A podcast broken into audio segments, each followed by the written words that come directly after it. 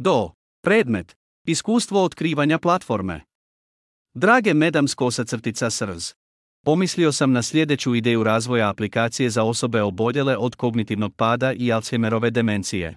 Kao što je poznato, bolesnici s bolestima čija je glavna karakteristika kognitivni pad, Alzheimerova ili druga bolest kod kojih postoji demencija, postupno gube mnoge mogućnosti kao što su kratkotrajna memorija ili svakodnevno funkcioniranje, Ideja je uspostaviti softver ili sustav koji će biti dizajniran za ljude u ovoj situaciji.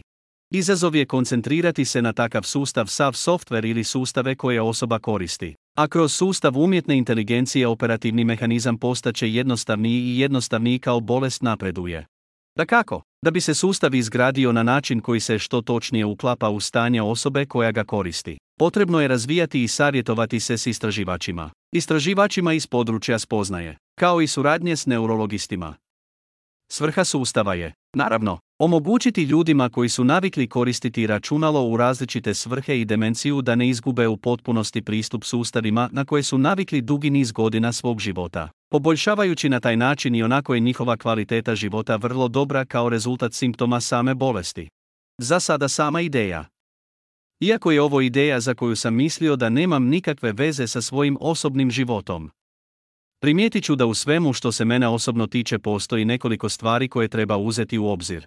1. Nisam školac, niti profesionalac na području istraživanja mozga, spoznaja ili neurologija i zbog toga neću moći pratiti takav projekt korak po korak.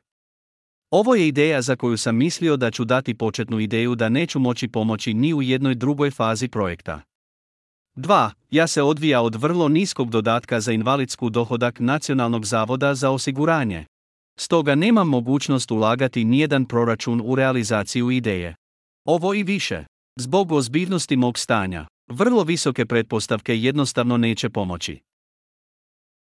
3. Živim u susjedstvu Jeruzalema Kirijat Menačam i nemam vozilo ni vozačku dozvolu.